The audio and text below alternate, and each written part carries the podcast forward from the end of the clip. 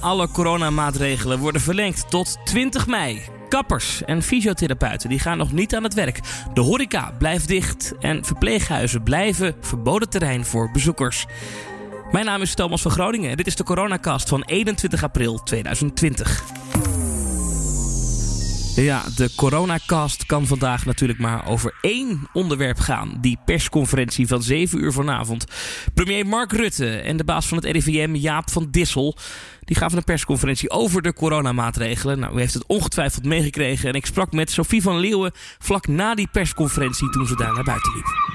Hoor je die schuifdeuren? Dat is de deur van de Tweede Kamer. Ik loop nu het plein op hey, dat zijn ze trouwens voor de gelegenheid aan het verbouwen. Want ja, er zit toch niemand meer op die terras. nee, daar hebben ze nu tijd zat voor, inderdaad.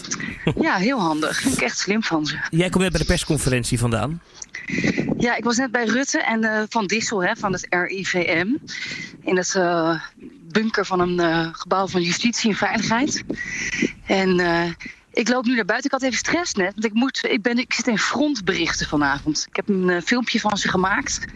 Met uh, de telefoon verticaal van die persconferentie. Ja. Van de maatregelen voor de scholen.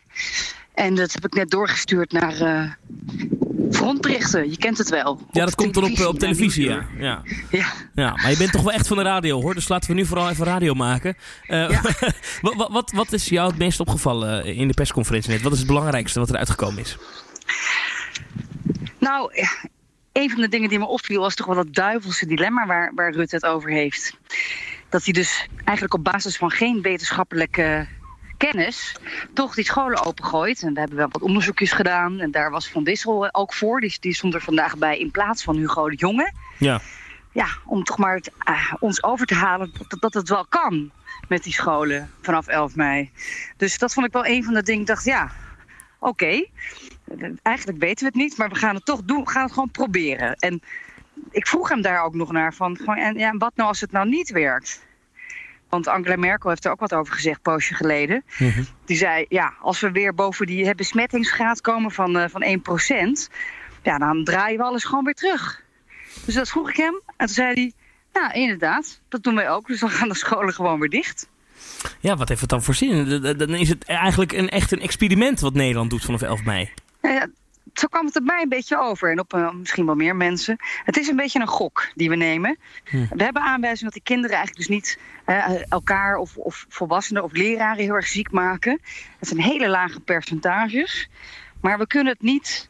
We weten het niet zeker. Dus ja, en, en, en, vervolgens ja, kun je natuurlijk ook nog gewoon, als iedereen massaal naar het strand gaat, dan kan die besmettingsgraad ook omhoog. Hè? Dus als het, als het mooi weer blijft, dan zitten we misschien ook in de problemen. Ja, maar goed, dan, dan gaan die basisscholen weer open. Uh, maar niet helemaal, hè? want het is dan half om half. En ze laten het aan de gemeente en aan de basisscholen zelf om dat in te richten, begrijp ik. Ja, dus dat is typisch Rutte. Die gooit het graag over de schutting. En dat maken we het ook extra ingewikkeld. Hmm. Dus dan, nou ja, gaan we dus voor de helft open is het idee. Althans, de, de, de basisschool, dus tot een jaar of twaalf. Uh, hoe je dat dan precies wil doen. In de ochtend, in de middag. Uh, hè, of, of begin van de week of het einde van de... Of gefaseerd. Het is wel een beetje ingewikkeld. En ik hoorde daar trouwens ook de kinderopvangorganisaties op onze radiozender uh, klagen van ja, dat maakt het voor ons ook een beetje ingewikkeld hè, met naschoolse opvang. Moeten we per school of per, hè, per gebied gaan bekijken hoe we dat dan weer oplossen. Ja, want Rutte zei expliciet erbij dat de, eh, de buitenschoolse opvang er alleen is op dagen dat bepaalde kinderen naar school mogen. Dus als je, hè, je zegt je mag eh, kinderen met, alle, met de letter A in hun achternaam, die mogen alleen de eerste drie dagen van de week naar school. Dan is ook de buitenschoolse opvang ook alleen de eerste drie dagen voor die kinderen beschikbaar. Ja, dus ja, en eh, dat is dus wel. Uh, het is een beetje ingewikkeld, ook hoe je dat moet gaan managen, lijkt me, met al die met het personeelsbeleid. En, en ook omdat een deel van de, de, de leraar of de, de werknemer, hè, de mensen die daar werken, kunnen afvallen. Mhm. Want er zijn natuurlijk uh, mensen die misschien kwetsbaar zijn. En die hoeven dan ook niet voor zo'n klas, voor zo'n groep te staan. Dus er zijn echt nog veel mitsen en maren. Maar ja, we hebben dus nog een paar weken de tijd om te kijken hoe het gaat. Ook hoe het gaat in Denemarken. Daar wordt steeds naar verwezen, naar Scandinavië. En eh, ja, misschien kunnen we daar nog, nog iets van leren dan. Ja. Nou, dan in middelbare scholen 1 juni waarschijnlijk. Dat is nog even afwachten. Uh, nou, dat sporten, dat geloof ik al wel. Ik wil nog even één ding eruit pikken. Uh, dat is toch wel interessant. Die grote evenementen. het is nogal wat, hè? Tot 1 september geen enkel groot evenement in Nederland. Ja, ja, hij noemde dat expliciet. Hè? Geen Pinkpop, geen Vierdaagse in Nijmegen, geen Zwarte Cross. Ja, ik denk dat er een aantal uh, festivalorganisatoren een beetje beledigd zijn dat ze niet genoemd zijn misschien. Maar... Ja, ja, misschien Lowlands of zo. Lowlands werd niet eh, genoemd, gaat niet door, is er wel uh, bekendgemaakt. Nee. En geen betaald voetbal. Ja, dat vinden heel veel mensen natuurlijk ook verschrikkelijk. Hm. Dus ja, dat is natuurlijk wel... Eigenlijk zagen we dat aankomen omdat de burgemeesters daartoe hadden opgeroepen. Hè, de veiligheidsregio's. Maar ja, dat is natuurlijk gewoon slikken dat het helemaal plat ligt. Ja. Tot 1 september. Ja, en voor de rest, uh, weet je, Thomas, weten we het ook niet zeker. Want we hebben nu wel zo'n datum ergens in mei, 20 mei. Maar ja, dan moet het maar wel even goed gaan met die IC-bedden. En met de onderzoeken van de, meneer Van Dissen van het RIVM. Ja. Kunnen we dan wel de cafés en de restaurants openen? Kunnen de ondernemers dan uh, aan het werk? Ik begrijp dat de werkgeversorganisaties al gevraagd hebben om een tweede noodpakket. Hè, dat dan vanaf 1 juni weer drie maanden moet ingaan. Dus dat wordt nog allemaal even eh, ja, af, eh, af, afwachten ja. hoe dat gaat aflopen voor al die, al die bedrijven. Ja. ja, vanmiddag had Hoekstra al in zijn gesprek op RTL Z geloof ik gezegd dat hij na wil denken over een, een extra pakket steunmaatregelen. Maar even, wat, wat is jouw inschatting? Hè? Dus de premier nou, die kondigt dit nu aan, geen evenementen, het sluiten van horeca is uitgesteld. waarom had hij het niet over de economische impact daarvan? Het woord economie viel niet eens in de hele persconferentie. Ja, hij, hij benadrukt steeds, het gaat om de volksgezondheid. Dat is het, de nummer één prioriteit die we hebben.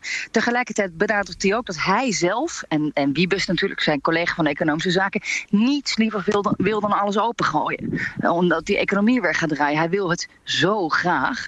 Maar hij luistert naar het OMT, daar zitten natuurlijk allemaal virologen in, en medische experts. Mhm.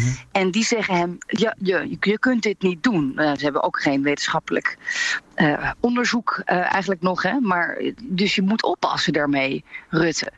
Ja, hij, hij, kan, hij kan eigenlijk, hij staat natuurlijk klem als, als VVD-liberale premier. Ja. Dus dat is vervelend voor hem. En uh, ja, dan is het dus hopen dat het dan over een paar weken er maar beter uitziet. Ja, met die anderhalve meter economie. Duivels dilemma. Uh, een van de ingrijpendste periodes die we ooit zullen meemaken. Het is nogal wat ja. voor hem als premier. Hij gaat de geschiedenisboeken wel zeker halen hiermee. Ja, ik denk het wel. Uh, en ook, uh, nou ja, als een premier die inderdaad bakken met noodpakketten gaat uitdelen om, om maar uh, de, de horeca en de, de, de evenementen en de reisbranche overeind te houden. hij waarschuwt ook dus dat er een, nog een tweede ja, een bubbel van, van, van de corona aan kan komen. Hè. Er kan nog een soort van tweede wave komen in het najaar. Ja. Dus we zijn hier nog lang niet vanaf. Nee, nog lang niet vanaf. Heel kort nog even, Sophie. Morgen is er een debat. Uh, dat gaat ook over de apps onder andere. Uh, verwacht jij dat de maatregelen die vandaag zijn aangekondigd... dat die nog veel nou ja, politiek vuurwerk zullen opleveren morgen? Nou, politiek vuurwerk op, op, op allerlei vlakken. Die apps staan, liggen natuurlijk ontzettend onder vuur. Er komt nog een brief van de jongen vanavond over die apps. Uh, Rutte zegt, het was natuurlijk geen fiasco, wij gaan er gewoon mee door. Hè, terwijl iedereen zoiets had van, nou ja, wat die apps waar, uh, hoe ontzettend amateuristisch uh, is het kabinet hiermee bezig geweest. daar gaat hij natuurlijk zeer onder vuur komen te liggen. Maar hij zegt, we gaan door met die apps. Ik vroeg me ook nog, is het een voorwaarde voor hè, dat die horeca en die bedrijven weer open kunnen straks? in mei. Hij zei, nou, nee, dat ga ik niet aan die apps ophangen. Dus als we nog geen apps hebben op 20 mei, dan, ja, dan kan er misschien toch nog wel iets open. Toch nog wel iets open. Dat geeft uh, hoop. Um, morgen meer. Tot zover de coronacast voor vandaag. Sophie, dankjewel. Goede reis naar huis. Morgen is er weer een coronacast. En ik zeg altijd aan het einde van iedere aflevering... bij belangrijke dingen, was je handen. Um, zorg dat je je elleboog niest en blijf vooral binnen. Ik zeg fijne avond en tot morgen.